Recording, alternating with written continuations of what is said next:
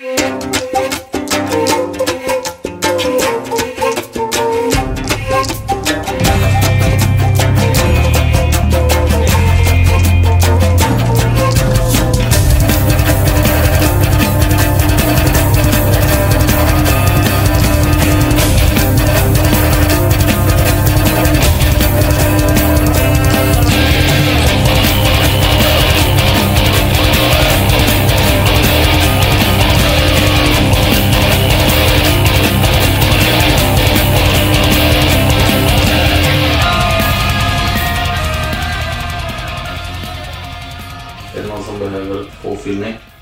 Lite mer Christer? Eller har du sådana fina någonstans? Jag har inga fina. Men, eh, Kan ju tillägga det att Adam och jag har ju spelat sen... eh, Ja, sen vi började gymnasiet. fan det är snart 20 år. eller 2001 började vi gymnasiet tillsammans. Ja. Mer, mer än 15 år åtminstone. Då lurade du in mig. Det var jävligt elakt. Han gav dig ett syfte i livet. Ja, men korrumpera ungdomen på det sättet. Jag var 12 år när jag började. 12. Han var ungefär samma som jag då tror jag. Eller om jag var kanske ännu snäppet yngre. Och Det var var nog nog... 11-12 där någonstans. Men vi, fan, vi, vi sparar vi kommer dit. kommer dit. Hej och välkomna till Syndikatets podcast. Jag heter Adam Yngvesson och med mig har jag... Daniel Palm. Och idag är vi extra taggade för vi har nämligen en gäst med oss idag och eh, inte vilken gäst som helst. Utan nämligen Christer Krille Sundelin. Välkommen hit. Tack så mycket. Vi tänkte börja med en liten faktaruta på dig. Bara för att eh, ringa in dig lite. För de som eh, mot förmodan inte känner till ditt namn. Eh, jag antar att våra rollspelskunniga lyssnare känner till ditt namn. Men för er andra. De flesta har nog sett Krilles namn i någon produktion under sin rollspelstid skulle jag tippa på. Ja, annars har man nog inte så bra koll på svensk rollspel som man borde ha. kan vi säga så. Jag ställer ett par frågor till dig Krille. Ja, Ålder? 46. Var bor du? Eh, Almedal i Göteborg. Eh, vad försörjer du dig på? Jag är copywriter. Har du familj? Nej. Hur länge har du spelat rollspel? Eh, sen 1982. Vad blir det? Hur många år? Tre år innan vi föddes. Ja, exakt. Jag får bryta in där bara. 35 år då. Om Krille vill förklara sitt yrke bara supersnabbt för de som inte vet vad en copywriter gör. Det är inte säkert att alla har koll på det. Eh, en copywriter är en person som... Eh, I grunden är det en person som skriver hard copy, det vill säga det som man hamnar, hamnar i tryck. Eh, ibland beskrivs det som en säljare bakom en skrivmaskin. I mitt fall så skriver jag texter åt folk som inte kan skriva. Eh, mest är det tekniska texter, pedagogiska texter eller eh, vad heter det, säljande texter. Krille, du har eh, ju varit aktiv inom svenskt rollspelsskapande väldigt länge, eller hur? Ja. Rätta mig om jag har fel, men du har gjort Västmark, Ja. Skymningshem, Ja. Järn Ja. och nu senast Hjältarnas tid. Dessutom har du, eh, drev du förlaget Rävsvans. Ja. Alla de där ovanstående gavs ut under eh, Rävsvans förlag. Och du har ju skrivit material för både E.ON och Neotech. Ja. Och ganska mycket också.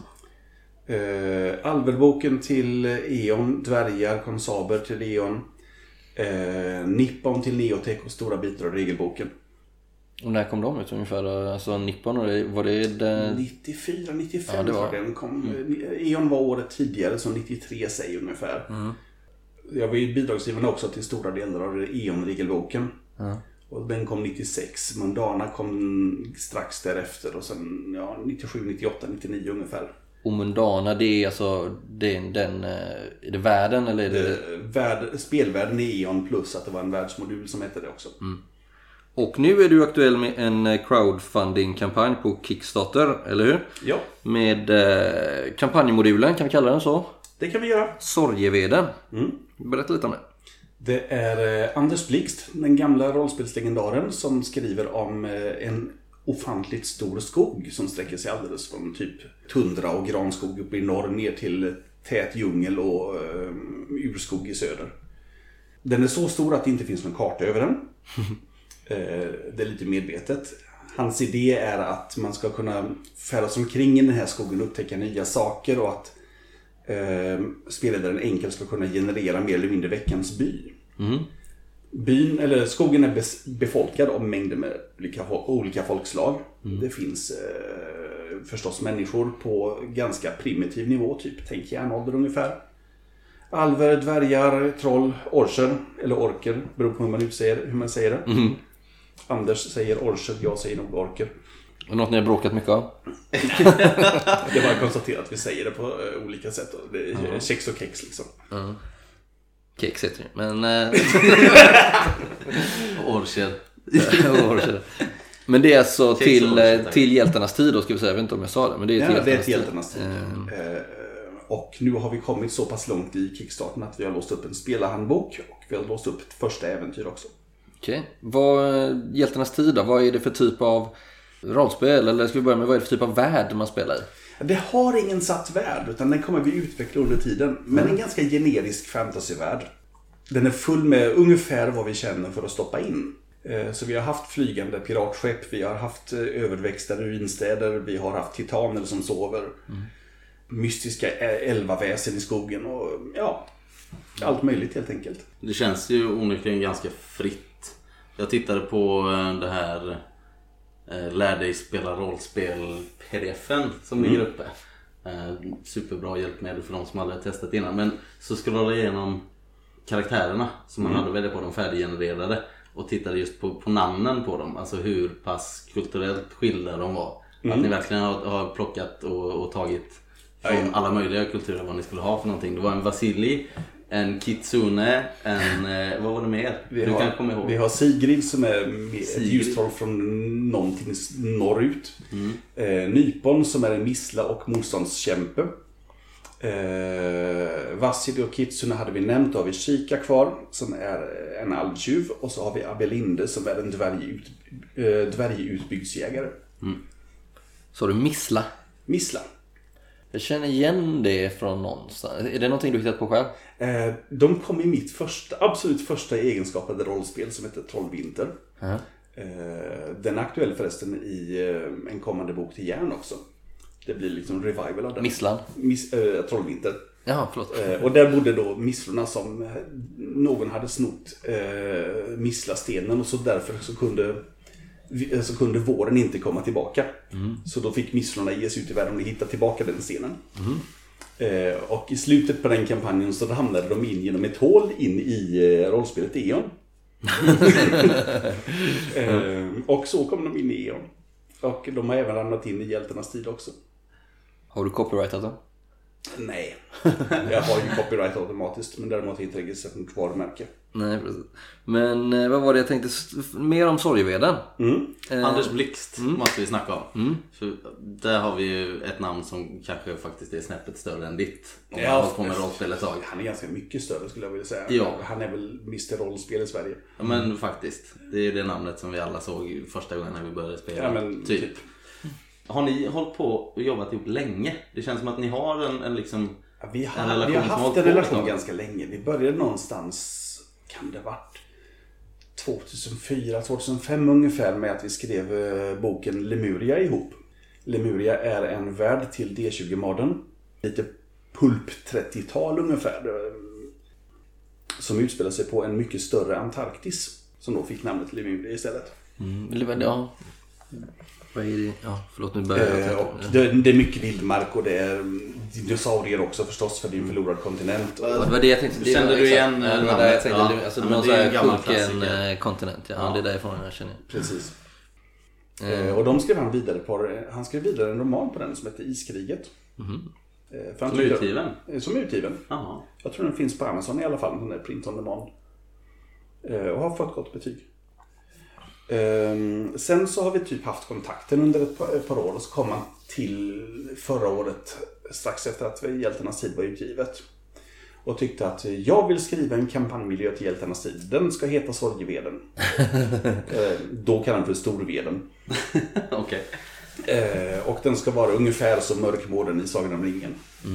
Eh, och så tyckte vi att det var en cool idé. Och nu äntligen ska vi komma igång. Men varför blir det sorgveden istället för storveden då? Eller får man veta det om man spelar äventyret?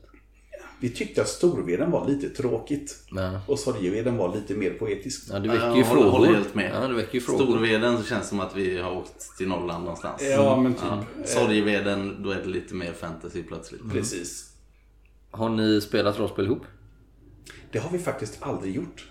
För han bor ju i Stockholm och jag bodde, när vi skrev eh, Lemuria så bodde jag i Skövde och nu bor jag i Göteborg så att vi har aldrig spelat rollspel ihop. Det här med att ni eh, inte har släppt så mycket bakgrundsmaterial till eh, Hjältarnas tid. Du var inne lite på det men det är ett medvetet val förstår jag. Det är ett medvetet val. Att det ska, ska det, är det för att det ska vara lite mer luststyrt skrivande liksom? Eller hur kommer det sig? Ja, det är två skäl. Dels just det som du säger, liksom, vi ska kunna skriva vad sjutton vi vill utan att vara hindrade av att det finns en, utan att, utan att vara hindrade av den kanoniska världsbeskrivningen. Eh, gör vad du vill helt enkelt. Men också ren platsbrist. Vi ville ha en liten kort bok. 80 sidor max. Absoluta max skulle jag säga. Vi siktade faktiskt på 64. Eh, och då får det inte plats någon världsbeskrivning. När Hjältarnas tid kom, det var, var det förra året? Eller? Det var förra året. Ja. Så vad, Det är nästan precis ett år sedan faktiskt. Eh, I pratande stund så är det väl två veckor kvar till eh, jubileet. det måste firas. Mm. Med Sorgeveden. Och hur, hur länge beräknas det efter Kickstarten är avslutad nu innan Sorgeveden är tryckt och klar? Vi gissar på sommaren 2018. Då ska det vara tryckt och klart och ivägskickat hem till dem som har beställt det. Det är ändå bra, alltså ge ett år ungefär. Jag tycker känns det. Väl, eh, känns väl som en rimlig, rimlig tid från Kickstarter till färdig produkt. Ja, vi har tagit i lite grann på tidsplanen så det finns rum utifall att någonting går åt helvete. Men, Och sen också om ni får in väldigt mycket så måste ni ju skriva till en massa saker som ni har lovat nu. Oh ja, men eh, det, det, kör vi man hålla i åtanke också. det kör vi parallellt. Så Anders skriver själva bakgrundsmodulen. Eh, Jag misstänker att jag kommer att skriva spelarhandboken. Och sen får vi se vem vi eh, lägger ut äventyren på. Det kan bli jag igen. Peter Nallo är en kandidat om han eh, skulle ha tid och ork och lust att komma tillbaka från Norrland. Okej, jag kan väl skriva i Norrland? Eh, Ja, men han jobbar där så att han har inte så mycket tid över. Han är ju fullt upptagen med kult nu också. Han är en av dem på Helmgast då. Ja. Ja, för det är, det är Helmgast som ger ut Hjältarnas tid va? Ja. Vad hände med Rävsvans då? Eh, Det hände arbetslöshet. Skatteverket, eller framförallt eh, Arbetsförmedlingen, tyckte inte om att man hade ett eh, vilande hobbyföretag för många gånger när man låg arbetslös. Så att jag var tvungen att lägga ner det. När startade du förlaget? 2003 tror jag. Jag fick lägga ner det 2011. Vad, vad skulle hända annars då? Eller vad ville de inte ge något? Jag bara blev så här nyfiken nu. Nej, det, var, det var en liten period mellan jobb på ungefär tre månader. Jag hade inte fått en a-kassa om jag inte hade eh, avvecklat det. Vad elakt. Mm. Alltså, För det är ju en ärligt talat, inkomstkälla, Det är ju tycker de. jättetråkigt. Ja. Ja, Jo, jo, det kan man ju tycka. Men det, ja. Okej, men eh, vad får man eh, om man köper Sorgeveden då? Eller om Eh, man backar? Om man backar den eh, på sin enklaste nivå så får man pdf-erna. Man får en beta-pdf eh, så fort vi har någonting att ge ut och så får man en skarp pdf strax innan den går i tryck. Nivån över det är att man får själva boken Sorgeveden. Äventyren kommer vi lägga upp i eh, butiken så småningom när de blir klara men de ingår inte i Kickstarten. Vi valde att inte ha det på grund av eh, att eh, det är så jobbigt att hantera add-ons i Kickstarter-plattformen. Då behöver man en backer-kit och det krävs extra administration och extra pengar och det var jättejobbigt. Så vi körde dem separat istället. Snäppet över det är att man skaffar sig en regelbok och svariveden. Då skickar vi regelboken så fort eh, Kickstarten är över. Men det är ju ett perfekt paket för de som liksom vill spela Hjältarnas tid men samtidigt vill ha en miljö att förlägga det i. Ja, kanske, alltså jag tänker om man liksom har suttit och sneglat på det men inte har tid att sitta och skriva Mm. en plats själv. Liksom. Så kan man ju få både regelbok och det här kampanjmaterialet Precis. i samma veva. Det är ju, Nackdelen är ju då att man får ju regelboken, eller man får regelboxen nu och man får kampanjboken om ett år. Okej. Eh, Och då hinner man läsa in sig å andra Ja, sidan. Då kan man vi, har, vi har till- ett snäpp till då vi har, eh, Och vi har en, eh, ja nästan ett med naturen höll jag på att kalla det för. Eh, Men då får du regelboxen, du får äventyret eh, Saga från Trollskogen och du får eh, Magins väv nu. Så fort kickstarten är över. Och så kommer Trollskogen sen i brevlådan nästa sommar.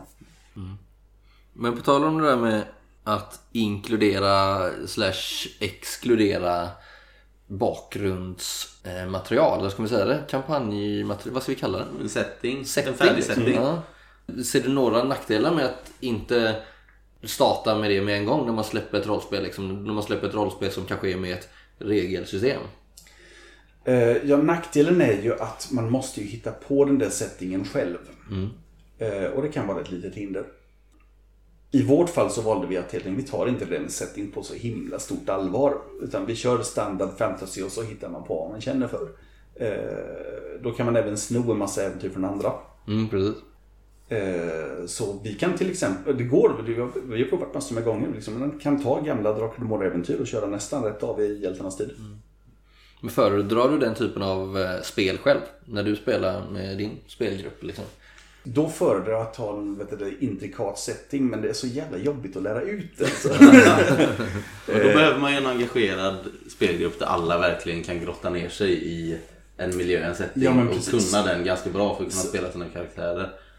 Hjältarnas tid är ju enklare på så sätt att Mm. man kan sätta sig och spela utan någon vidare förkunskap. Ja, precis. Så liksom drömscenariet är att alla kan settingen och vi börjar spela i den. Eh, därefter kommer nog att vi bara hittar på allt eftersom och lär oss med tiden tillsammans.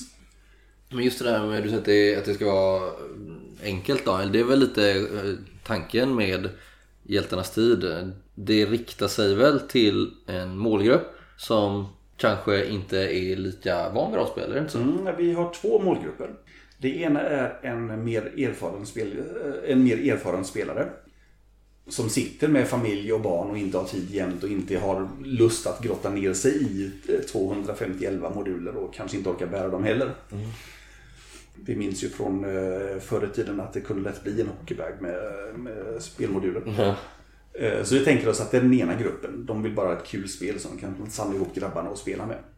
Eh, Och det andra är någonstans kanske 12-13 år som aldrig har spelat rollspel förut. Kanske yngre om den förälder som leder. Men målet är att du ska kunna sätta boxen i händerna på en 12-13-åring och de ska kunna öppna och spela direkt. På egen hand. Jag tänker på illustrationerna och så, det jag har sett. Det känns som att de också kanske vänder sig till en eh, alltså yngre målgrupp. De är, hur skulle du själv beskriva illustrationerna? Illustrationerna är... De började redan i järn faktiskt. Ja. Eh, Det var Ronja som tog fram stilen. Vad är hennes fulla namn? Ronja Melin heter hon. Ronja Melin. Eh, Och är lite av eh, Järn och Hjältarnas tids hustecknare. Eller en av dem, vi har flera stycken. För det är en ganska speciell stil liksom. Ja, precis. Och den, den kom till av en ren slump. Vi hade suttit efter ett gott och eh, tittat på filmen The Secret of Kells. Det är en bra film. och Kommer du ihåg att jag visade den för Ja, dig? ja, visst. För, ja, jag vet inte när den kom ut. men visst är den mysig. Ja, ja, nej, men är satt, så jag, satt, fantastisk. jag satt och väntade på den efter att ha sett eh, trailern först. Mm. Och så när den äntligen kom så skulle jag visa den för alla i min umgängeskrets. Jag tycker Ja, den är men- helt ja, men det fantastisk. Det är dagens filmtips från Ja, har Syndikatet ni och eh, Stäng av eh, den här podcasten genast och kolla på den istället. Nej. Och när ni har tittat på den kan ni titta på The Song of the Sea också. Samma kille som har gjort den. Ja, men den kom senare. Eller? Den kom senare. Ja. Den, jag, jag har inte sett den. Men eh, det kanske det är. Eh, Det är samma mysiga eh, tecknarstil. Så vi utgick från den, vi utgick från ett annat spel som heter Fate of the Norns. Eh, och vi tittade lite grann på gamla träsnitt och eh, gamla hä- hällristningar. Och när vi gjorde järn så hade det var ju tänkt att bli ett hårt och hårigt barbarspel liksom. Om barbarerna norr Så eh, när vi skulle sätta stilen på det så kunde vi inte bestämma oss vad vi skulle göra. Eh, Så jag, jag gav i uppdrag till Ronja att teckna dels en klassisk eh, John Howe-aktig realistisk blyertstecknad stil. Det är det han som har gjort mycket för Lord of the Rings va? Bland annat. Eh, och, och sen en mer av den här Secret of Kells-aktiga stilen. Samma motiv. Och så testade jag den på ett antal personer. Eh, och upptäckte att ungefär tre av fyra män tyckte om den John Howe-stilen. Och tre av fyra kvinnor tyckte om eh, Secret of Kells. och då gick jag på magkänslan och körde på den andra stilen istället. Och sen så fortsatte vi i samma stil då. Vi upptäckte att den var väldigt eh, lätt att följa även för andra tecknare. Så i grundboken på Hjältarnas tid så är det fem olika tecknare som har tecknat illustrationer och det är svårt att se vem som har gjort eh, vem som är vem. Tecknar du själv någonting? Ja, Jag tror jag såg det i någon pdf att det stod att du hade gjort, eh, alltså inte bara text utan även illustration och grafisk formgivning. så jag gör ju även all layout och eh, form på Hjältarnas tid och grann. Eh, Vi upptäckte också att den var ju, i och med att den är väldigt skarpa linjer och väldigt mycket kontrast, så är det bara väldigt lätt att göra en målarbok av. Aha. Är det någonting som ligger i pipelinen? Ja, vi gjorde en till järn faktiskt. Jaha. Så. Eh, Den blir jättepopulär den eh, förra årets Gotcon. Det var massor med ungar som köpte de där och färgkritor och så satte sig ute i korridoren och ritade. Det, det var jätteroligt. Finns den kvar i lager? Det finns några stycken kvar i laget tror jag. Vi köpa till? Kolla på Dismo. Hemgast webbsida så finns det där. Eh, men du säger, ja men du har, du har en dubbel målgrupp där med, eh, med Hjältarnas tid. Ja, Hur har du det eh, i huvudet när du sitter och skriver? Hur är det att skriva för två ganska skilda målgrupper? Alltså när det kommer till vad har du för ton och tilltal liksom i... eh, Det är någonting du tänker mycket på när du skriver? det tänker jag väldigt mycket på. Ehm, Jag skriver fram alltid sådär väldigt... Vi har, vi har satt det som regel att vi skriver alltid till spelledaren, till spelaren. Eh, instruerar dem rätt av. Så det är väldigt mycket du. Du kan göra så här. Och det är väldigt mycket punktlistor också. Så det blir väldigt tydligt. Och det har jag upptäckt också att det har äldre spelare också kommit att uppskatta. Liksom. De vill inte ha de där långa textstyckena som är med krånglig text. Utan punktlista, gör så här, gör så här, gör så här, gör så här, klart. Vad har du fått för respons då? Framförallt nu är jag, jag är lite mer intresserad på eh, nybörjare nu just nu då. Vad har du fått för respons eh, ifrån dem? Eh, Jag har fått, eh, alltså nybörjare älskar ju det. De, de kommer in och tycker det här är skitkul. I alla fall de som jag har pratat med. Liksom. De vill spela igen och de vill att jag ska spela det åt dem också. För, det. Kom hem på lördag, då är mamma och pappa ja, men, för, ett par, för någon månad sedan ungefär så fick jag spela My Little Pony för en bunt med 8 till 11 år. Eh, Och det var hysteriskt roligt. Det var ju bara att rulla med för de hittade på galna grejer jämt. Det är ganska kul att säga det för Adam Palmqvist satt ju precis och lovordade My Little Pony som, eh, jag vet inte vad, som, alltså, som, som produkt överlag liksom. Ja, men den är ju Så assmart gjord. hela, hela IPn liksom. Ja, hela IPn. Ja, men den är ju så smart gjord. Den riktas ju inte bara till ungarna utan även till deras föräldrar. Så att de kan sitta i grupp och titta på TV. Det är ju assmart. Men vad, vad tänker du då? Alltså rent konkret när du skriver, får du rätta dig själv liksom? Har du en liten editor inne i huvudet som eh, Oh ja. slår dig själv på fingrarna liksom? Oh ja, men jag, jag har en tendens ibland att skriva de där långa fingrarna. Men då får jag in och säga liksom, nej, det är korta där, klyv där, plocka isär det där, plocka bort det där ocket mitt i. Gör det här till en ny mening och så vidare. Korta och raka meningar så mycket som möjligt. Vad är det de... Det eh, där, jag vill bara skjuta in där att överhuvudtaget om man ska skriva någonting som man vill ska vara direkt och någorlunda kraftfullt så gäller det ju inte att sväva in sig i massa långa, långa meningar med hundra bisatser och Ja, kommatecken och bindestreck fram och tillbaka. Utan man håller, man kör en punkt och sen börjar man om och så blir det en punkt och så börjar man om. Ja, Annars så, så blir det så lätt att man förlorar sig i, Ja, i grammatiken istället. Och så, Jag kan- jag så kan om går jag är- budskapet förlorat. ja, precis. Och jag kan om jag är helt ohemma trassla in mig i massa parenteser och eh, bisatser. Och... Jag känner mig igen. Ja, nej men det, det är likadant när, när andra skriver tror jag. Och många misslyckas nog med det. Eller tänker inte på det kanske som, som Christer gör som ändå, som ändå jobbar med det också eh, utanför den här hobby Det är faktiskt en väldigt, det är en väldigt stor fördel att ta den bakgrunden som jobb också. Det gör att jag verkligen har liksom, eh, jag vet hur jag ska kunna ut, eh, uttrycka mig på ett pedagogiskt sätt. En tanke som jag har just när det kommer till att skriva för yngre. Eller ett misstag som jag tror att många gör är att man alltså underskattar sin läsare. Att man tror att bara för en person är 14 år eller inte har samma bildning som jag själv så kanske man gör det mer lättillgängligt än vad det nödvändigtvis måste vara. Ja, nej, men det, det, ord, ord hittar de, det kan de slå upp. Ja. Eh, Och folk kan googla nu för tiden så det är inga problem. Framförallt så tänker jag, när när vi började spela Daniel så var det väldigt många ord jag inte kände till men som jag lärde mig via rollspel. Ja, men typ, jag var 11 år när jag lärde mig ordet melee först på engelska. Bara en sån sak. Så är man nörd så eh, då lär man sig fort. Hur tänker du rent eh, när det kommer till världsbygge och så, just på den punkten? Känner du att du kan eh, slänga in vad som helst? Eller är du rädd för att det här kan bli för obehagligt eller för... Förstår du vad jag menar? Ja, det finns några saker som, eh, några saker som vi undviker. Jag tror vi, vi försöker hålla oss, eller vi, vi försöker, vi håller oss undan från eh, allt, hur ska man säga, eh, sexuellt våld överhuvudtaget. Det händer bara inte. Även försöker skriva inkluderande så mycket som möjligt. Inkluderar tjejer i gänget. Det är liksom fyra av de förskapade är ju, är ju kvinnliga karaktärer. Ehm, även mycket på, vi tänker mycket på illustrationer på den punkten också.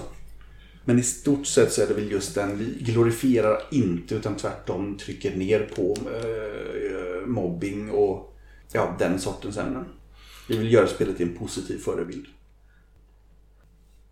Det känns som att eh, i det jag har uppfattat av det, det folk säger om hjältarnas tid så är det bland det första de säger just det här att det riktar sig kanske till nybörjare eller en eh, yngre generation. För det verkar som att du talar inte lika mycket om den saken bara utan du poängterar att det finns fler målgrupper. Men tror du att just den biten kan vara någonting som om man har otur att mer erfarna spelare väljer bort spelet? Bara för att... Ja, det finns den risken. Och jag, även om vi försöker liksom få in dem så har vi märkt att det inte är så populärt. Eh, Det är fram, framförallt nostalgin och tillbakablicken på ett enklare spel vi tänker på. Eh, Och där har vi svårt att konkurrera med ett etablerat nostalgiskt varumärke som Drakar och Demoner. Jag tänkte, vi funderade faktiskt på det här om dagen också. Att det har ju blivit lite av en, lite av en våg att köra de här liksom nostalgiska tillbakablickande. Ja, man precis. försöker hitta någon typ av eh, något mytiskt ursprung, du vet där man själv började någonstans liksom. Ja, Eh, vi, vi hittar hur många exempel som helst på det. Oh, du hade väl också varit med och skrivit på fantasy, var det så? Eh, ja, För det, det är väl ett, ett av de stora liksom, i den genren. ja, Ja. eh, det skrev jag bo, eller delmodulen Underjorden till Fantasy. Och sen hade vi alltså nyutgåvan då av Drakar och Demoner. Mm. Eh, vad var det mer för några som vi snackade om? Ja, vi har ju Ny MUTANT, bara det. Ja okej, men ja men det Om vi känns, tänker det, det känns här- lite mer som en återgång kanske, eller är det det?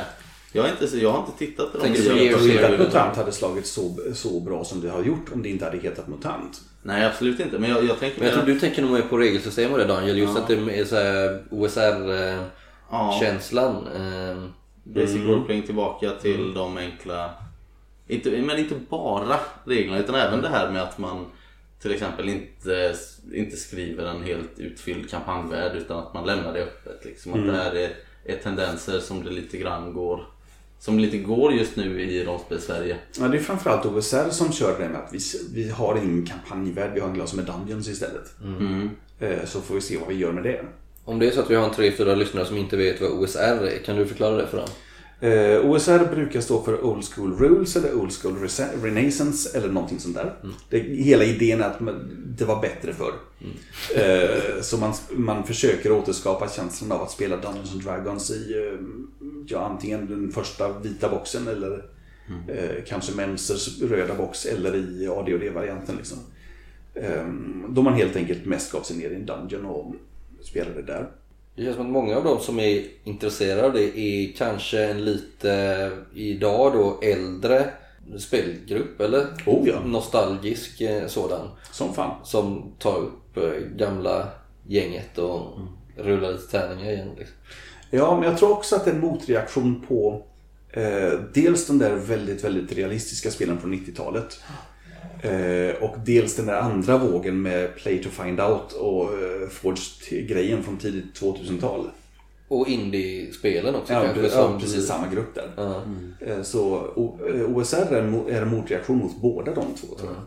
Hur tänker du själv då med regler? Om vi ska ta, behöver inte gå in på för mycket, men med regelverk i hjältarnas tid.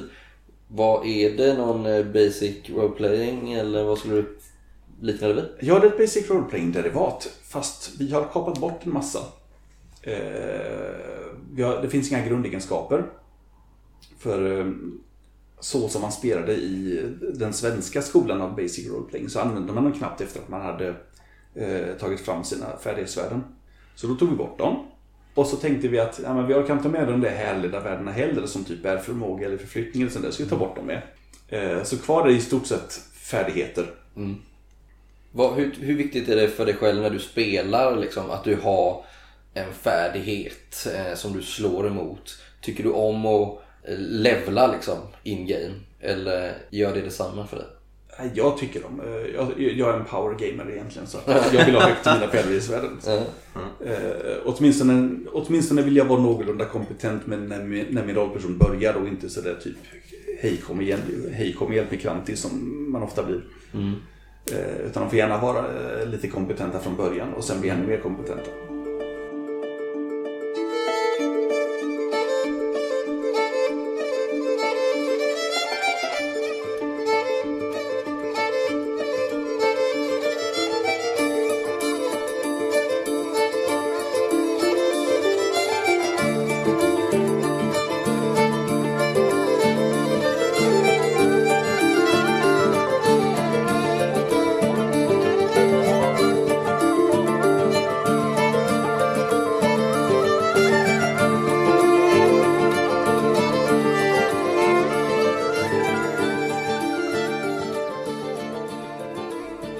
Tänker att vi kan eh, gå in lite mer på din rollspelshistoria, Christer. Nu har vi pratat lite om det du gör här nu, men hur började allting för dig?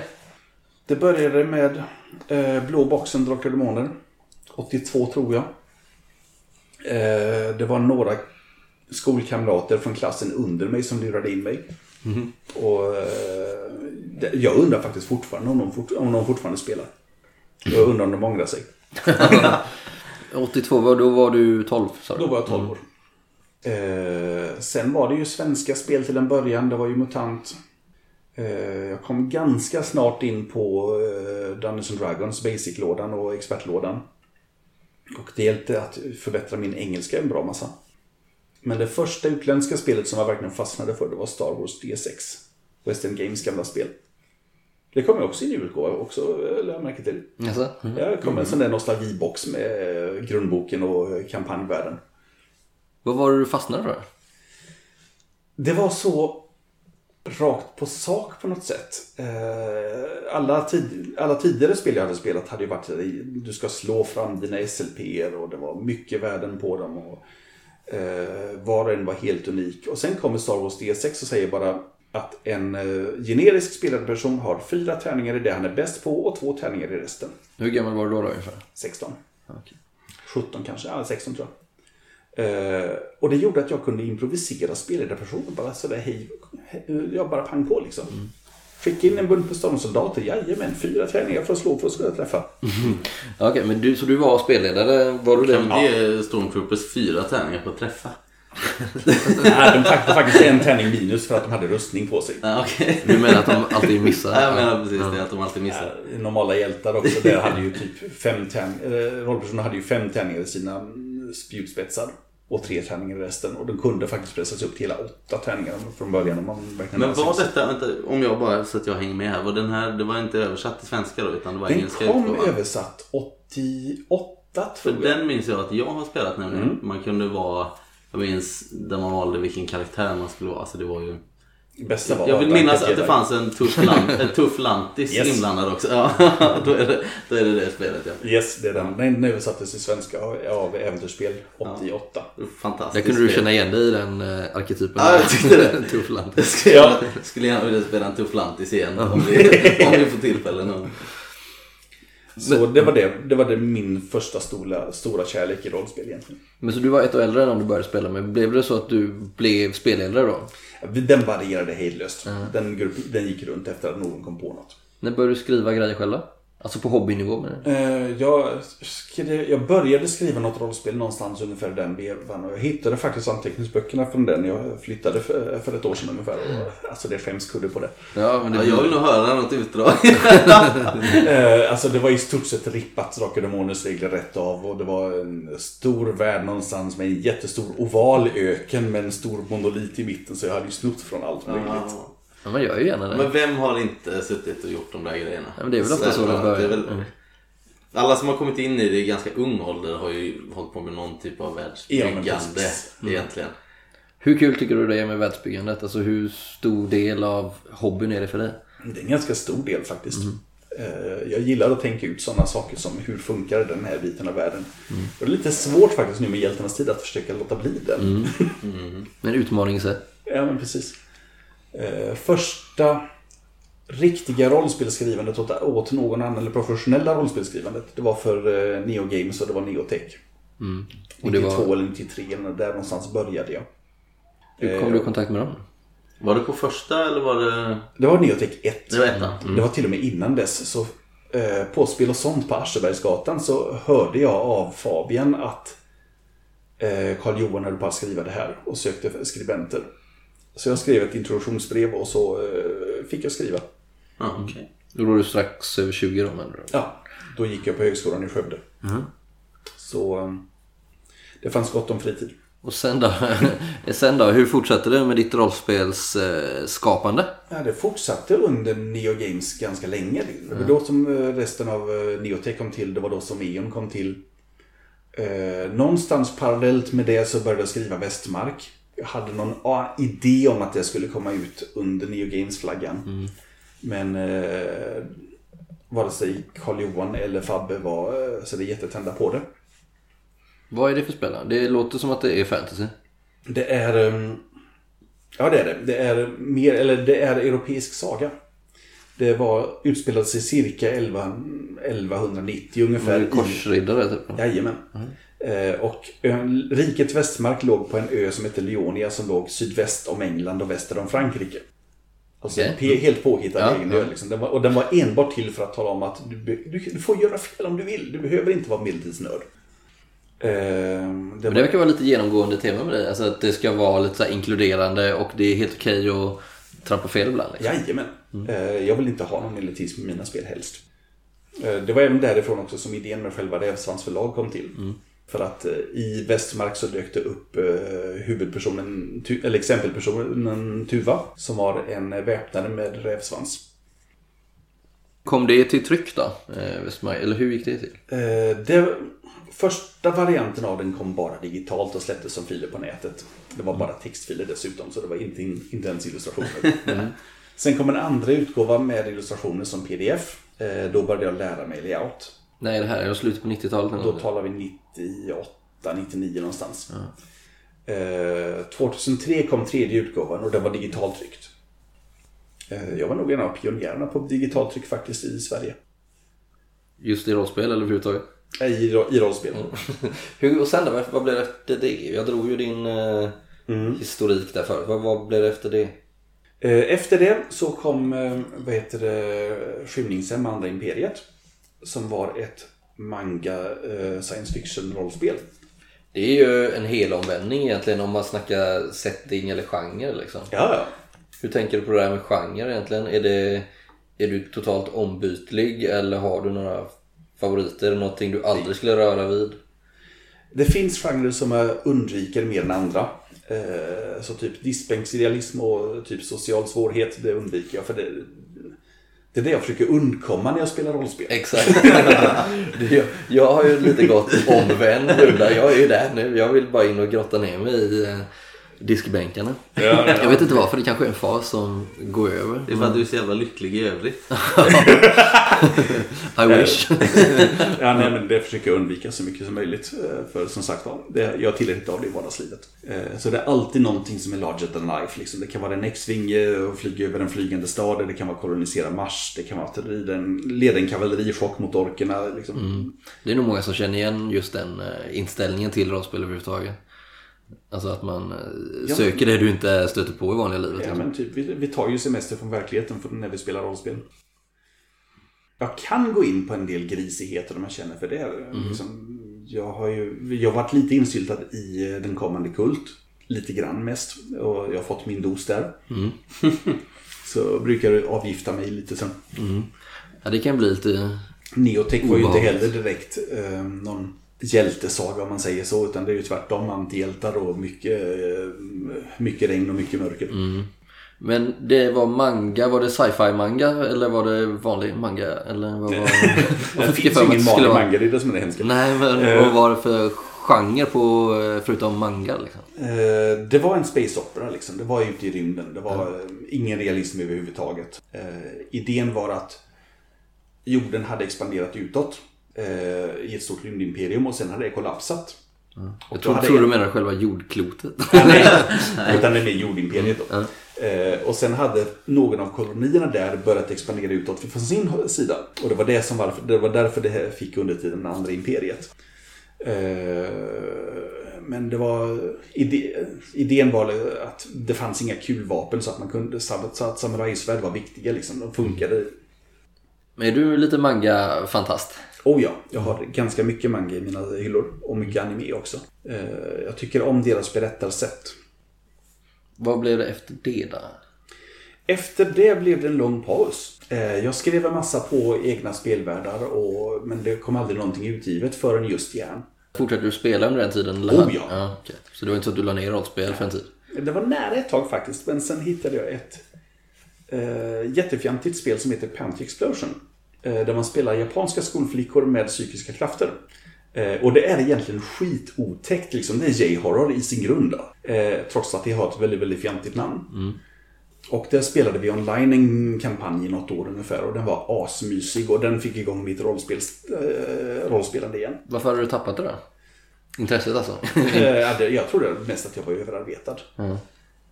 Lite halvt utbränd sådär. Mm. Vad har du, var det några andra hobbys som tog vid? Istället? Nej, då, det var mer att jag, det var verkligen mycket mer att jag låg, låg och jäste liksom. Bidade din tid? Ja, typ. Men det blir lätt så när man blir utbränd. När blev det järn då? Järn började i ganska rask trakt 2013-2014. Eh, då hade jag försökt göra en basic roleplaying som jag trivs med.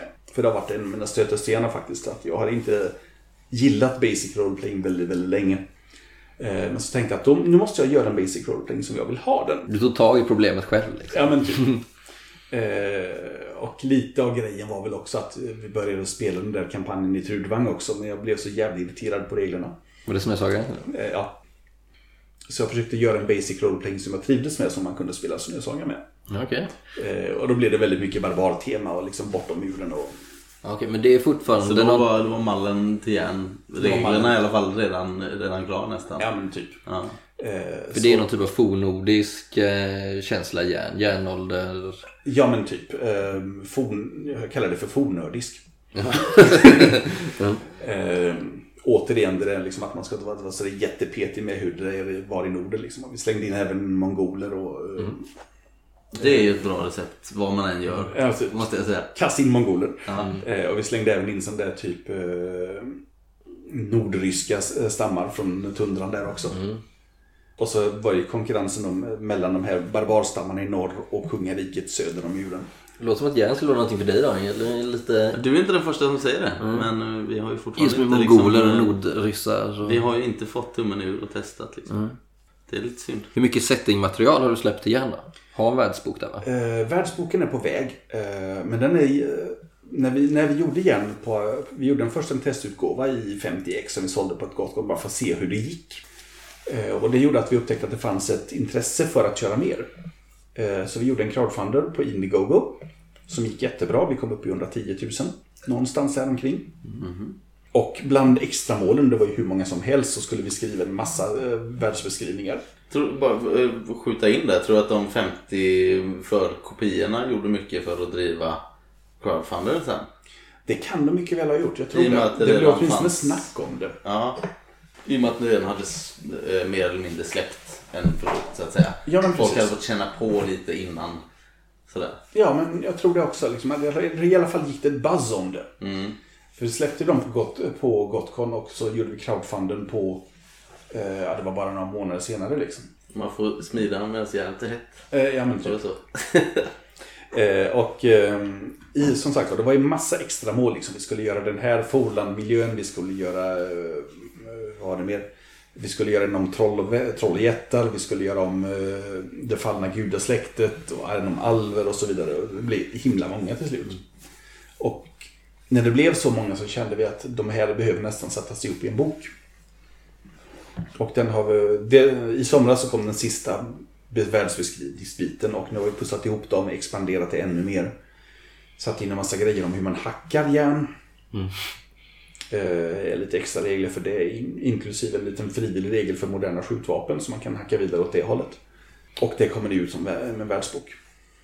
Spelar du ibland fortfarande de här spelen som du har gett ut tidigare? Eller ligger de eh, på is? Jag hinner ju inte med det. det är det som är det hemska liksom. Att eh, så mycket att skriva och så, lite, och så mycket att spela och så lite tid. Hur bestämmer du vad du ska skriva på just nu då? Eh, nu har det varit prioritering. Vi måste få ut igen- världsboken. Eh, så allting annat har knuffats bakom. För det kan jag uppfatta, eller det, det kan jag uppleva även om jag bara är amatörskribent på rollspelssidan än så länge liksom, så är det ofta så att man har mer än ett projekt på gång. Oh ja. Och när man eh, som mest behöver skriva på ett projekt så är man som mest sugen på ett annat. Eh, där har jag återigen följt med mitt jobb som copywriter att jag har disciplinen att skriva på det som behöver skrivas. Eh, det kanske inte blir så inspirerat men det kan man redigera sen. Det viktiga är att få ut sig texten. Det är nog en lärdom för alla er där ute som hattar mellan olika projekt. Ja, faktiskt. Men, men så, så fort man gör det så blir det lite mer plikttroget att skriva. Eh, så skriver man för hobbybasis, skriv för 17 på vad ni gillar liksom. Det, är det, eh, det, viktiga att ni, det viktiga är att man som hobbyskapare gillar det man gör. Hur mycket tid lägger du på att skriva? Eh, det är väl åtminstone en typ en 10-12 timmar i veckan. Ja. Nästintill dagligen då? Ja. Några timmar varje dag. Några timmar på helgen också. Plus då det jag gör i jobbet som är 8 timmar om dagen. Eh, Men när du inte skriver, hinner du spela någonting? Ja, det gör jag. Jag spelar fantastiskt mycket tycker jag. Jag kommer att tänka på en intressant sak nu. Som vi eh, touchade på lite nyss. Eh, har du spelat ett av dina rollspel med en annan spelledare? Ja. Du har det? Ja. För det måste ju vara sjukt surrealistiskt. Du har skrivit alltihopa. Ja, det var Säg Westmark eller vad som helst. Och så har du haft en annan spelare då som du har suttit och Yes. Ja. Och det är just Västmark som är ett av exemplen. Det, hade, det var det en kille som heter Rickard. Ja. Som körde en kampanj i Skövde. Eh, som var sjukt mysig. Eh, sen var det en, eh, nu på sista tiden så har vi kört Hjältarnas tid. Gamla Drakar och Demoner-äventyr till Hjältarnas tid. Ja. Eh, och då var det just eh, Skelettbyns hemlighet, eh, Dimön. Det där som man förmodligen skulle kunna sätta sig ner vid datorn och skriva dem rakt av nästan. Man kan ja. dem, ja, precis. Läst dem och spelat dem så många gånger. Så att Ja, men nästan. Eh, men de funkade väldigt bra att köra rätt av. De var gjorda för gamla Drakar Demoner när det fortfarande var procentskala så man kunde använda de värdena rätt av nästan. Men i en sån situation så ställs ju verkligen den här, eh, vad ska man säga, inkluderande synen som man har på rollspel. Den här att alla kan göra fel och det liksom. Där ställs ju den på sin spets. Ja, Eller känner du ibland att du vill gå in och korrigera? Napp, app, In, in och mästra lite. nej, nej, nej, nej, nej, utan jag, jag har disciplin att säga ja, ja, det är du som är spelare, du kör. Då sitter du och knyter näven Men det är väl lite det också, när man väl har skrivit klart det och gett ut det, då har man ju liksom, då, då har man ju gett alla andra som ska spela de har ju liksom fulla rättigheter att göra vad de vill med det. Ja men precis, det är liksom än mer än an, alla, an, all annan konst liksom. Ja men precis, rollspel är ju ännu mer så att Ja, nu, precis. nu är det här erat, ni får göra vad ni vill med detta, ni ska ha kul liksom. Ja men precis. Det är inte för min skull som ni sitter och spelar. Men just det där att sitta med en annan spelare med sitt egen, sin egen produkt, det måste vara... Ja, det, det, jag, jag brukar hålla mig på den nivån att jag hjälper gärna till att hitta rätt avsnitt om det behövs. Men annars släpper jag liksom lös på och bara öser på ett och njuter av att det är ett så coolt spel. Adam sa ju det när vi speltestade 1999 första gången då det äventyret som vi hade på Gotcon. Då var han eh, en av spelarna. Mm. Eh, Jag hade skrivit äventyret och spelade och han var ju lite i samma position där. eller Han sa, sa det ett par gånger under speltillfället liksom att han bara satt och myste liksom. För att det här projektet hade börjat som en eh, skojig grej och sen plötsligt hade vi faktiskt gjort det och satt där och spelade. Ja men precis, Plö- plötsligt så blir ens projekt mycket mer verkligt när någon annan kör det. Ja. Men eh, hur ser din spelgrupp ut idag? Eller har du fler än en? Eh, Jag har fler än en grupp. Eh, De är lite sådär eh, överlappande också. Eh, Men jag har en grupp som kör Dungeons and Dragons 5. Vi är väl halvvägs genom Out of the Abyss-kampanjen där. Vi har kört igenom hela eh, Tyranny of Dragons. Och där roterar spelledarskapet. Så nu är det Emma Vilken kampanj är det man kör man då? Då är det den officiella Forgotten Realms Okej. På Svärdskusten. Jag har jättedålig koll på Dungeons and Dragons förut. Alltså jag känner till de olika men just vad som är förlagt till vilken är svårt Ja, att nu, veta. kör, nu kör vi ju det mesta Men det är Sword Forgotten Realms, Coast så- som gäller. Så det, Ja. det känner ju många igen Ja. efter Baldur's Gate-bitarna Ja men precis. liksom. Jag är tyst här. Och vi, vi, vi, vi är väldigt snabba på att översätta det till svenska så det heter Baldurport och det heter eh, Vattendjup och Balderporten. Ja. Norske. Ehm, nej men så, där, då, vi, då är vi halvvägs genom autot. Jag byter ungefär nu.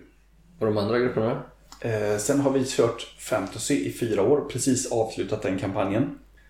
Ehm, och nu kommer jag ta över den gruppen och köra Hjältarnas tid Som spelledare? som spelledare. Vad föredrar du? Eller är båda lika kul? Spela spelledare? Jag hade lite issues med Fantasy, men eh, det är bara att bita ihop och köra vidare. eh, Hjältarnas tid, all, all, man kommer alltid ha issues med sina spel. Och Vissa passar bättre än and, för eh, ens egen smak än andra. Eh, en av spelarna eh, föredrar att ha lite mer klantighet på sina rollpersoner. Så, eh, medan Hjältarnas tid är ju explicit gjort för att man ska vara kompetent från början. Så det kommer vara lite saker som eh, skadar, men det, man vänjer sig. Men eh, vad gör du helst då? Spelar eller spelleder? Det är lite hugget som stucket faktiskt. Jag brukar föredra att, eh, att spela. Men har jag en jävligt cool idé så känner jag att den här måste jag spelleda. Jag känner igen mig lite i det där just som vi pratade om innan när man inte kan bestämma vilket projekt man ska jobba på. Att Ofta när du ska spelleda, säg att du kanske är inne på ditt sjätte, sjunde spelmöte så kan du känna att ah, men det hade varit kul att slippa de här förberedelserna idag och bara komma hit och spela en karaktär. Eh, samtidigt som när man sitter och spelar så kan man ibland känna att "Ah, jag hade velat sitta bakom spelledarskärmen idag istället. Ja, ja. visst, visst är det så. Men så du, vad man kanske borde ha som Krylla har då, flera olika alternativ, flera spelgrupper. Beroende på var, var suget ligger någonstans. men hur ofta spelar du då i månaden? Det är väl en två gånger i månaden ungefär. Eh, Kanske en gång i månaden under högtryck och kanske inte alls under sommar. Men du, ni spelar här i Göteborg. Ni har, testar ni, har du testat att spela över Skype så som vi har börjat testa i vår grupp lite? Eh, Vi har spelat över IRC, ren text då. Ja, okej. Eh, Men jag har inte provat över Skype. Min upplevelse där är att första fem minuterna så kan det kännas lite weird. Just att här sitter jag och där sitter du i ett rum. Och så kommer sambon in och ska ta lite mat. Du vet, då bryts illusionen och man så här, får lite så här, vad håller du på med? Ja, men det har jag inte några, det, eller det brukar inte ha några problem med överhuvudtaget. Liksom, att telefonen bryts då och då. För nu tycker jag ju däremot med eh, Skype att det kan nästan bli häftigare. För då sitter du liksom med hörlurar på dig och du kanske är bara en spelledare och en spelare eller möjligtvis två spelare. Och att det blir mer intimt och att du får nästan enklare att kasta sig in i eh, rollspelsillusionen. Ja, jag, har inte, jag har inte provat på så jag vet inte. Du får testa. Jag får göra det.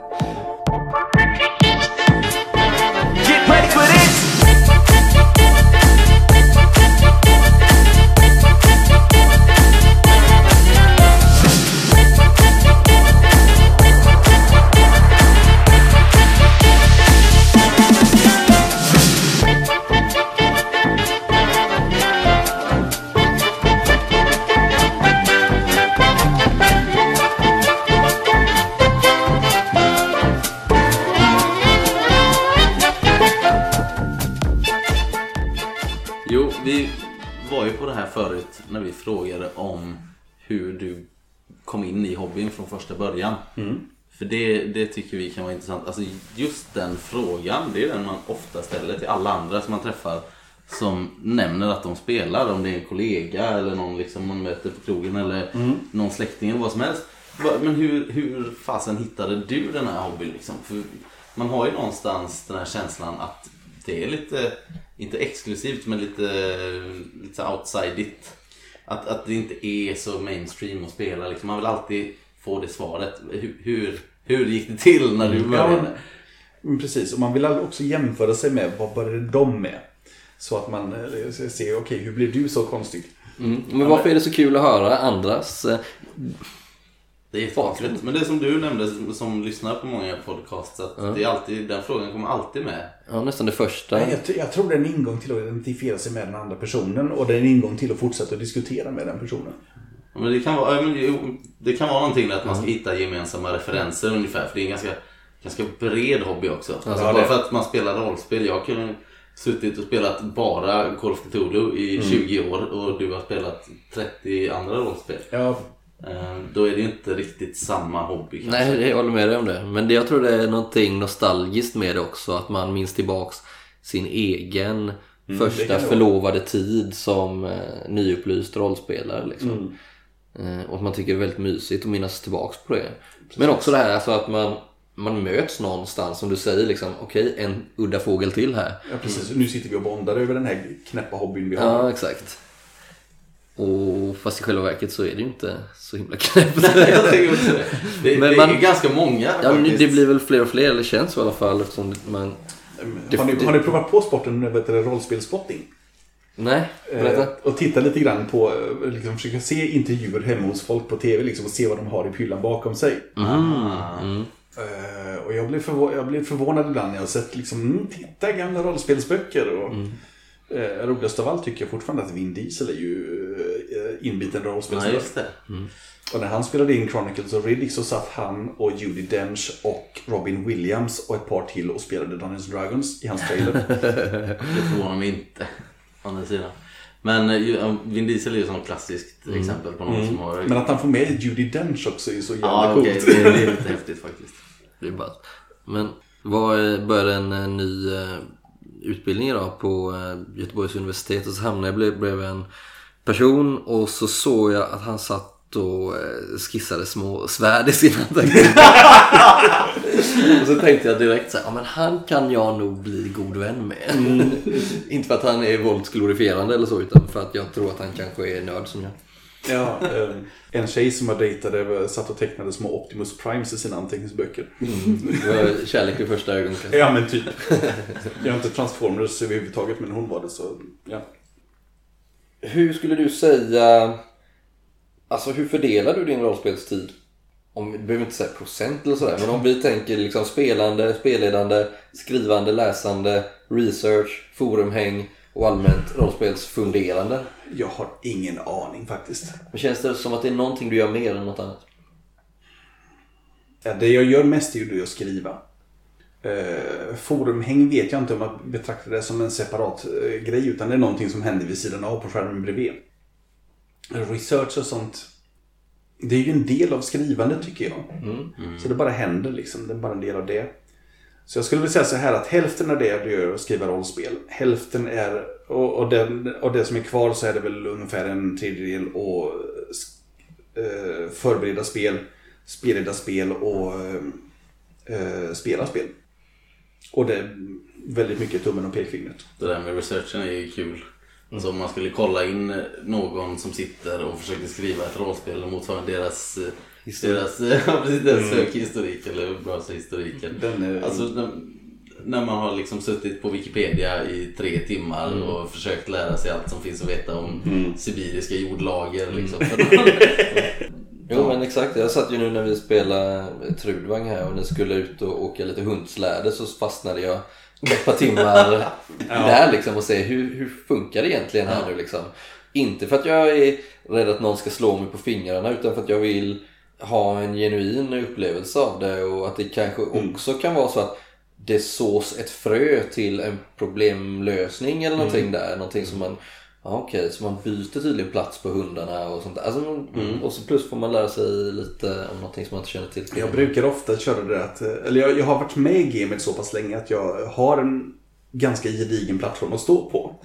Eh, så att jag behöver inte göra så mycket research utan det är mer att jag suger upp saker som jag råkat snubbla över. Det är som att gå in i en godisbutik och så här, men jag tar lite sådana, Ja, men lite grann. Så lite man, och lite surt. man får en länk till någonting och så läser man, läser man om det och så eh, suger man in någonting och tycker det där var coolt, det ska jag komma ihåg att göra någonting i rollspelet av. Finns det någonting du kan minnas som du är särskilt nöjd med? Alltså någon typ av eh, plot twist eller någon spelledarperson eller något sånt där som du är särskilt nöjd med som du kan arm? Menar du i det här sammanhanget att suga upp kunskap och bara komma Ja. på någonting? Eh,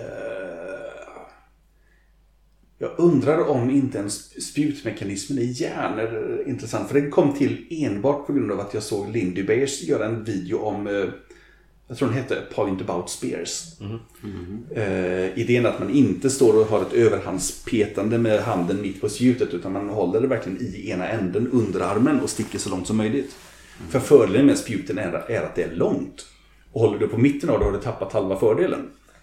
Såg du den där danske killen som hoppade runt och Sköt pilbåge? sköt pilbåge? Ja, jo, ja, jag har sett hur många som helst som har sågat hans... Men jag tänker det här med spjutgrejen, det är väl, ja, jag förstår lite, eller ja, jag tänker på gamla kung fu-filmer och motsvarande, då är det ju alltid det som gäller. Alltså hålla spjutet längst i, i änden Ja, men och precis. nå så långt som möjligt. De, de har ju inte glömt bort det. Nej, Vi har ju inte typ petat på folk med spjut på 400 år eller något sånt där. Så. Det kanske har blivit lite grann eh, förväxlat med spjutkastningen, för då, då håller du gärna... Stor sannolikhet. Ja. Och så, så blir det ju... Jag En, tänk, vad, vad heter den filmen? Troja? Troy? ja, men det blir en sån här Hollywood-fördumning som Ja, man... så här, eh, hålla mitt på spjutet. Mm. Det är en sån här jätte, jätteenkel grej som man bara liksom glossar över och inte bryr sig om. Det är så man gör. Och då var Troja ändå väldigt väl eh, koreograferad på den punkten. Relativt sett. Det finns ju gra- grader i helvetet. Liksom. Men... Ja, det var det första som dök upp i huvudet bara. Hålla mitt på spjutet, eh, striden liksom. Men när vi ändå är inne på det. Eh, vad inspirerar dig, Krille, i ditt skrivande, rollspelsskrivande? Oh, allt.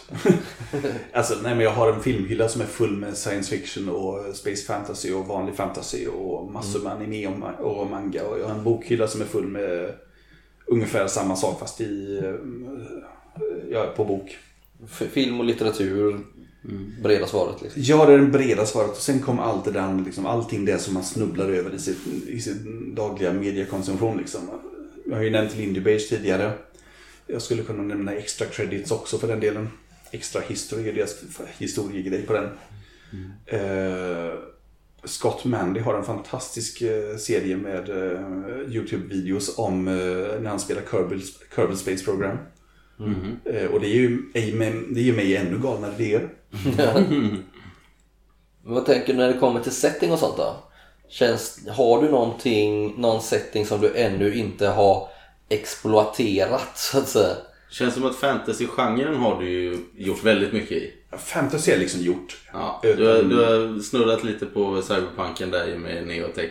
Ja. Eh, Manga. Och kört lite space opera. Space Opera har kört. ehm, Vad är det kvar då som kan vara intressanta? alltså vi har ju hård science fiction. Ja, Eh, Är det något du vill göra? Det är någonting jag skulle vilja göra. Jag kommer bara inte på vad man skulle köra för äventyr i det bara. För, eh, jag skulle vilja köra lite sådär pulp eh, sp- sp- science fiction också. Eh, Krigsscenarier skulle jag vilja köra men mer. Men det är jävligt svårt att göra rollspel av det. Vad sa du? Krigs? Krigsscenarier. Vilken typ av, eh, alltså 1900-tals... Eh, jag har Krig, typ, eller? också sådär spänt över hela. Liksom. Jag hade en idé som hette 1989 som utspelade sig eh, strax innan och strax efter att ryssen körde över Västeuropa. Mm. Istället för att Sovjetunionen kollapsade så skulle de ta göra en stöt västerut. Eh, jag håller på att skriva på ett spel som heter Blå himmel. Som är eh, Biggles med, Biggles med alver kan man säga. Mhm. eh, är det här det första vi hör om blå himmel? Har du... jag har haft det ute på en blogg hur länge som helst. Okej. Eh, Och det har varit ett öppet projekt. Det finns liksom öppna betor att ladda ner av det. Där tänker jag mig liksom att det är slutet på ett jättestort eh, europeiskt krig. Eh, där alla mm, kämpande parter inte orkar fortsätta att slåss. De har liksom tömt ut resurserna. Liksom. Det finns inte fler män att kalla- kalla in eh, i värnplikt. Och hela kriget är egentligen iscensatt av en alvdrottning för att i och med industrialismen så har hon tappat all, eh, liksom hon är inte längre högsta hönset. Så hon vill få människorna att kriga sönder sig själva så att hon kan ta över igen. Eh, Det Det låter... Hellboy-känsla. Ja, men lite grann. Eh, Jag tycker Biggles med Alva är den, bästa beskrivningen. För det, är fortfarande liksom, Okej. det, det kom till bara för att jag ville ha flygstrid. Ja, I gamla biplan också, sådana riktigt rangliga saker.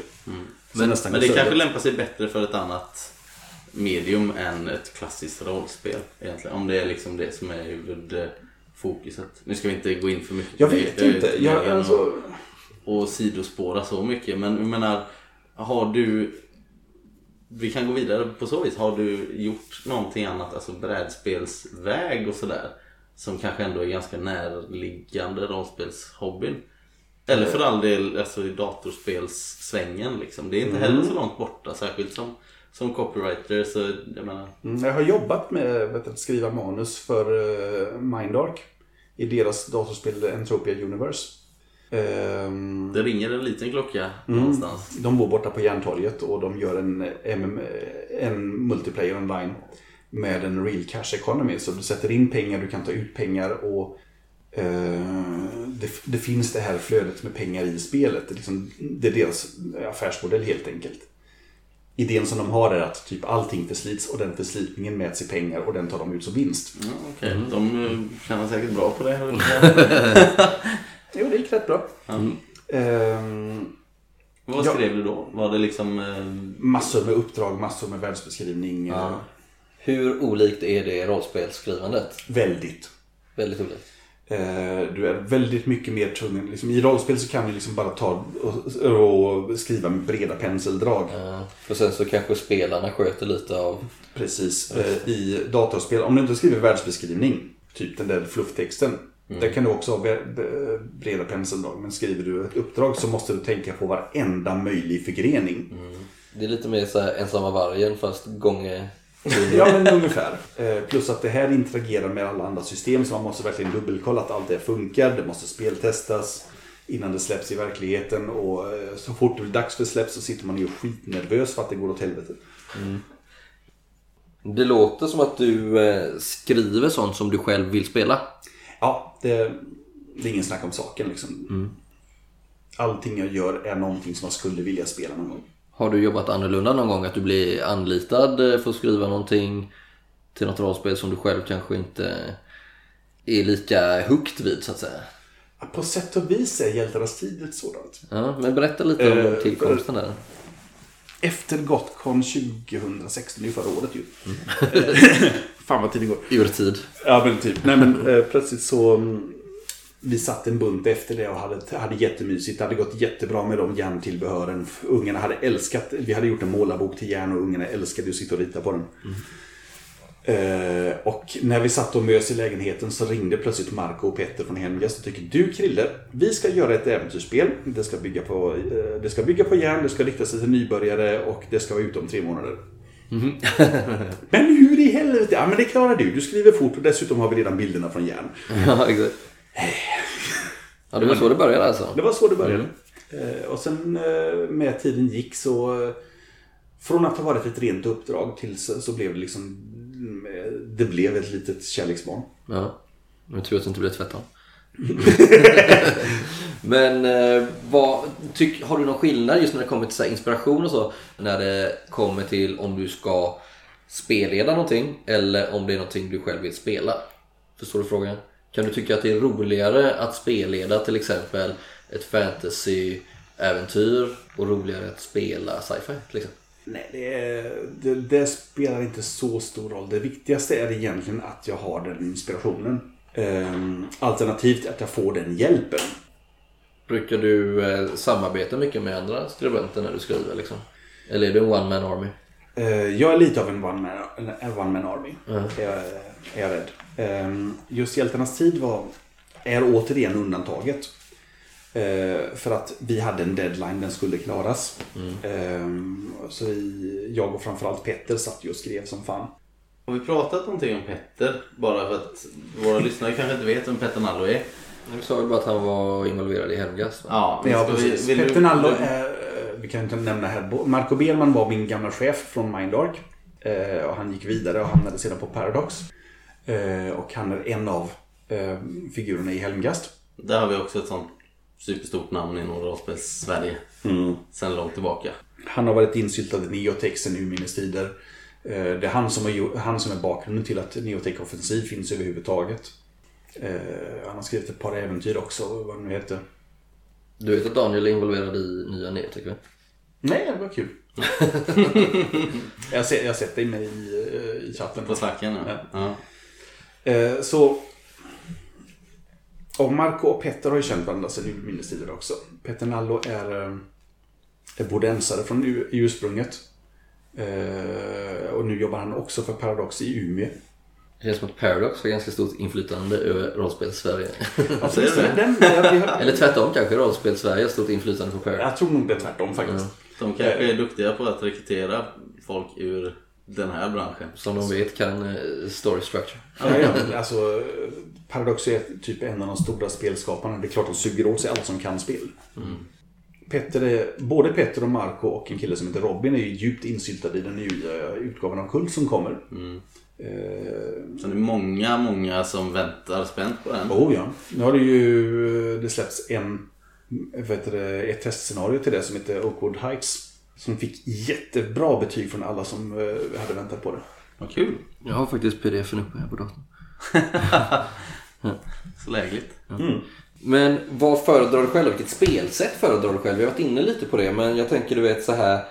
Vill du spela karaktärsdrivet? Vill du spela actionfyllt? Ska det vara känslosamt? Eller lite mer pulpigt?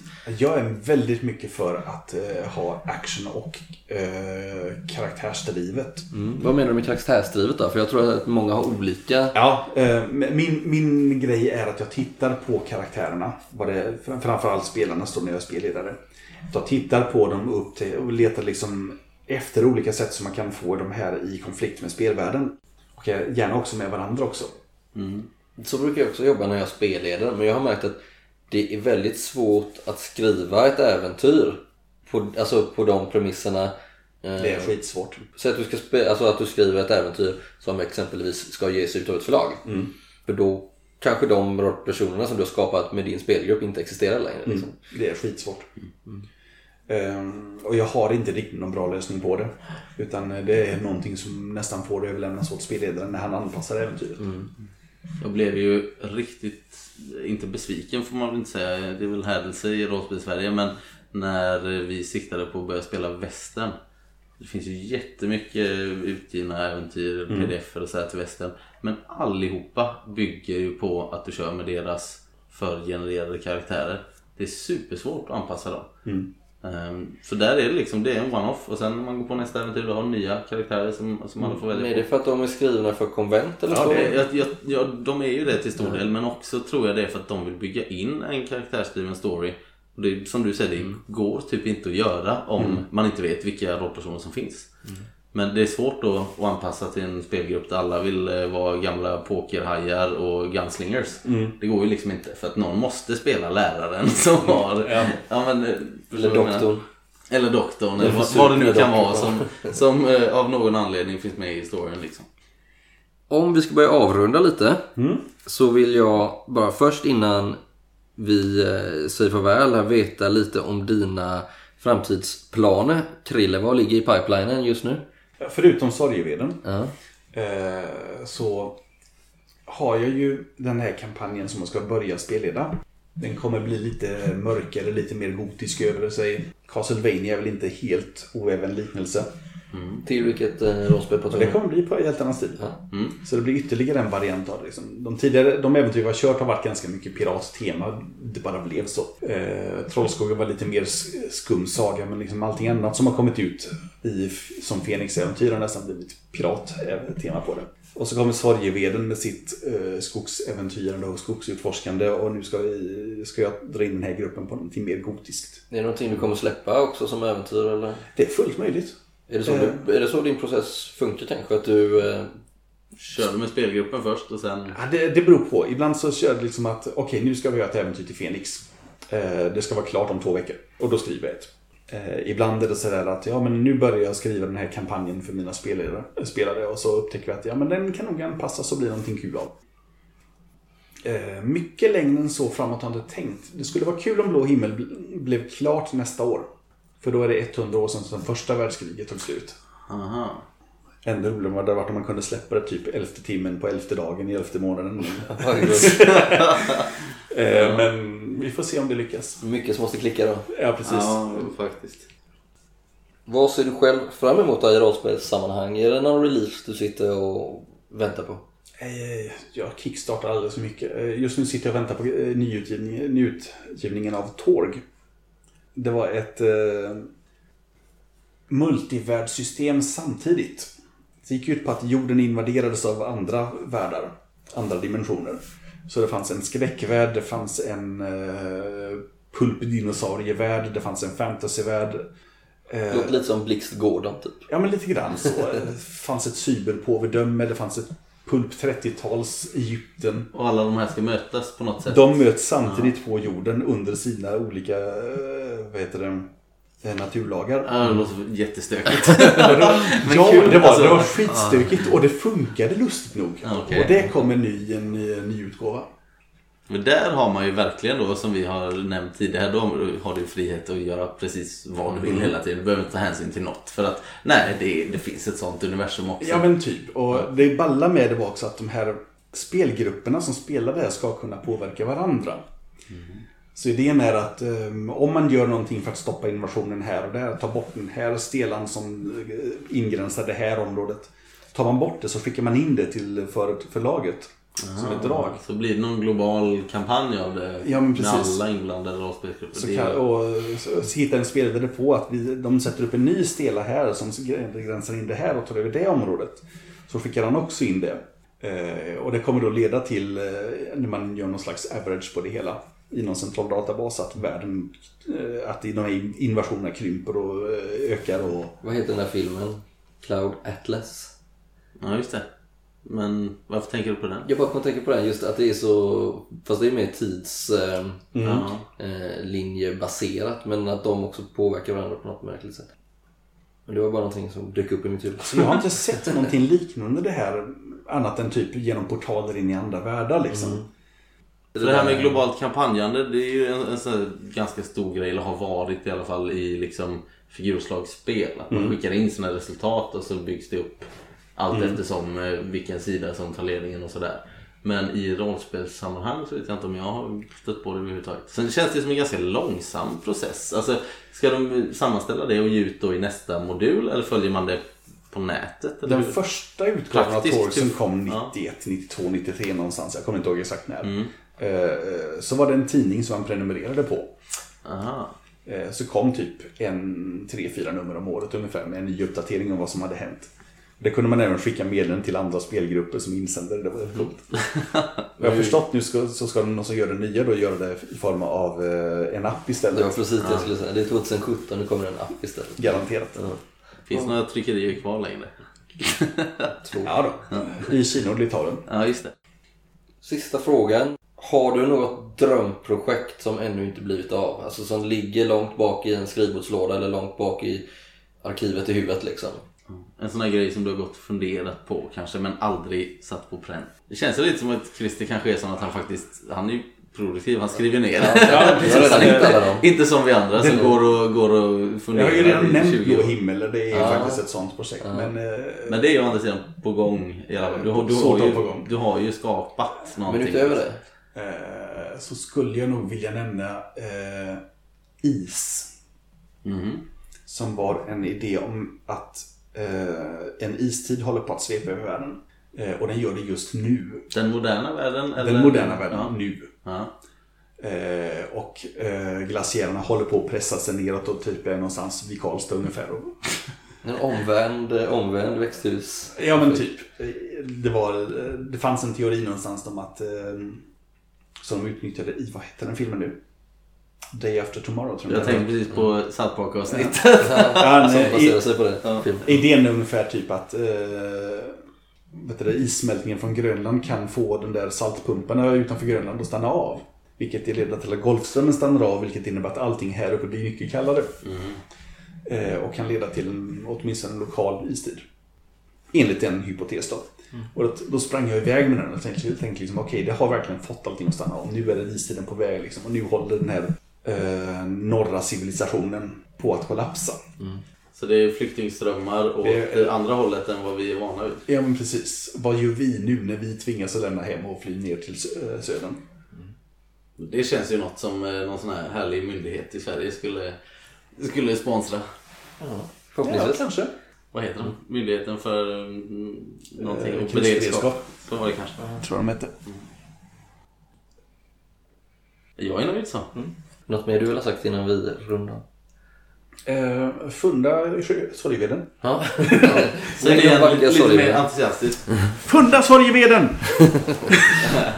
Med de orden ifrån eh, Christer Sundelin så avrundar vi dagens eh, avsnitt av eh, Syndikatets podcast. Tack så mycket för att ni har lyssnat och eh, vi syns snart igen. Tack och adjö. Bye bye. Ha det bra.